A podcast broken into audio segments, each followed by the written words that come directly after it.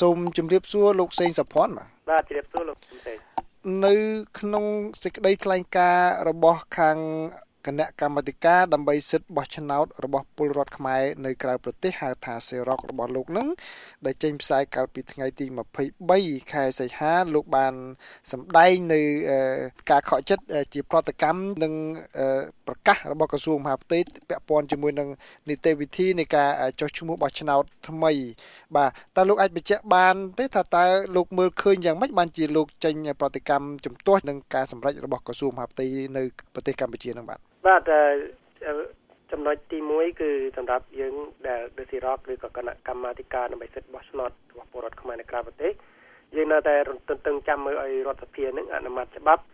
ដើម្បីដាក់ការិយាល័យឲ្យពួកយើងចោះជុំបោះឆ្នោតនៅតាមក្រៅប្រទេសមណ្ឌលនៅក្រៅការិយាល័យក្រៅប្រទេសប៉ុន្តែអ្វីដែលធ្វើឲ្យយើងភ្ញាក់ផ្អើលហើយខកចិត្តគឺការប្រកាសរបស់ក្រសួងមហាផ្ទៃដែលបានដាក់កំហិតថាអ្នកចោះឈ្មោះឆ្នោតត្រូវតែរស់នៅ ក្នុងអាសយដ្ឋានហ្នឹងឲ្យបាន30ថ្ងៃជាជាកំហិតដើម្បីអាចមានសុពលភាពអាចទៅចោះឈ្មោះបោះឆ្នោតបានដោយមានសម្បត្តិបញ្ជាក់យើងហៅក8ឬក9នឹងពីអាជ្ញាធរពីប៉ុស្តិ៍ប៉ូលីសហើយភ្ជាប់ទៅជាមួយនឹងអត្តសញ្ញាណប័ណ្ណ ទៅអាចចោះឈ្មោះបោះឆ្នោតបានទៅលើបាទតើក្រុមក្រុមណាខ្លះទៅដែលអាចប៉ះទង្គិចនៅក្នុងការចោះឈ្មោះបើយោងតាមប្រកាសបើតាមការមើលឃើញរបស់លោកនោះបាទបាទប៉ះទង្គិចទាំងពលរដ្ឋកម្មករខ្មែរចំណាក់ស្រុកប៉ះទង្គិចទាំងពលរដ្ឋខ្មែរដែលនៅប្រទេសទី3ជាចិនត្រៃហើយក៏ប៉ះទង្គិចទាំងពលរដ្ឋខ្មែរនៅក្នុងប្រទេសផងដែរជាពិសេសកម្មករដែលតែងតែធ្វើចលនាក្នុងការរកការងារធ្វើពីតំបន់មួយទៅតំបន់មួយ ពីភ្នំពេញទៅព្រំដែនពីស្វាយរៀងអីចឹងទៅគឺគាត់ពួកគាត់ប៉ះទង្គិចទាំងអស់កាលណាគាត់ទៅទៅបានការងារថ្មីទៅទៅ4 10ថ្ងៃមួយអាទិត្យពីអាទិត្យអីគាត់មិនអាចរស់នៅបានគ្រប់ចំនួនហ្នឹងអញ្ចឹងវាអាចប៉ះទង្គិចដែរចំណុចនេះគឺប៉ះទង្គិចភាគច្រើនគឺពលករទាំងក្នុងស្រុកនិងក្រៅស្រុកហ្នឹងឯងបាទតើវាមានបញ្ហាយ៉ាងម៉េចបានជាបើតាមការរៀបរាប់របស់លោកនឹងទៅដូចជា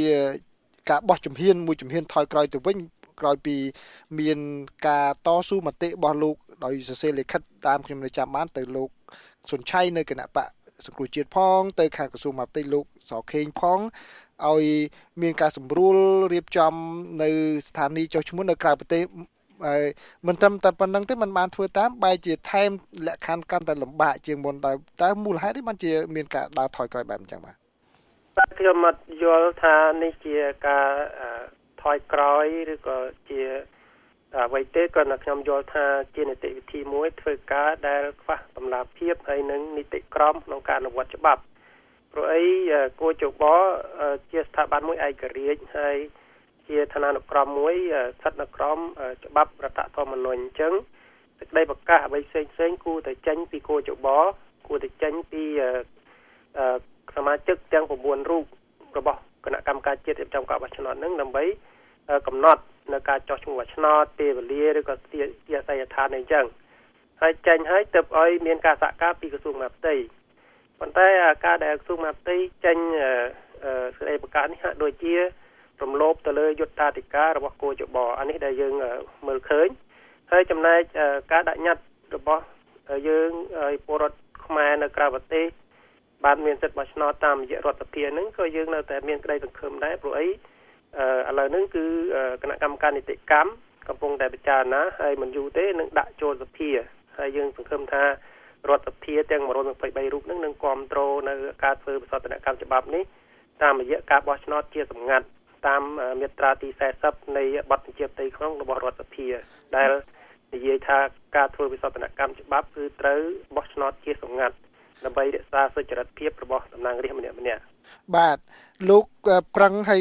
ដូចជាបង្ហាញនៅសុទិដ្ឋិនិយមក៏ប៉ុន្តែ បើយើងមើលលទ្ធភាពជាក់ស្ដែងគឺការចុះឈ្មោះបោះឆ្នោតនឹងចាប់ផ្ដើមនៅសប្តាហ៍ក្រោយនេះហើយគឺថ្ងៃទី1ខែកញ្ញារហូតដល់ថ្ងៃទី9ខែវិច្ឆិកាអឺហើយនីតិវិធីច្បាប់ទម្រាំទៅធ្វើហើយនឹងនៅស្រុកខ្មែរយើងដឹងហើយវាចំណាយពេលយូរតើ មិនអញ្ចឹងមិនអ្នកដែលមិនទាន់បានចុះឈ្មោះនឹងមិនខកខានឱកាសបោះឆ្នោតនៅឆ្នាំ2018ហើយណាបអឺចំណុចនេះมันជាបញ្ហាទេនៅក្នុងបច្ចេកទេសព្រោះអីអឺនីតិវិធីនៃការស្នើច្បាប់ឲ្យមានការធ្វើវិសោធនកម្មច្បាប់ដែលស្នើឡើងដោយតំណាងរាស្ត្រទាំង33រូបនោះគឺជាជាចម្ពោះពិសេសដែលយើងហៅថាចម្ពោះពិសេសហ្នឹង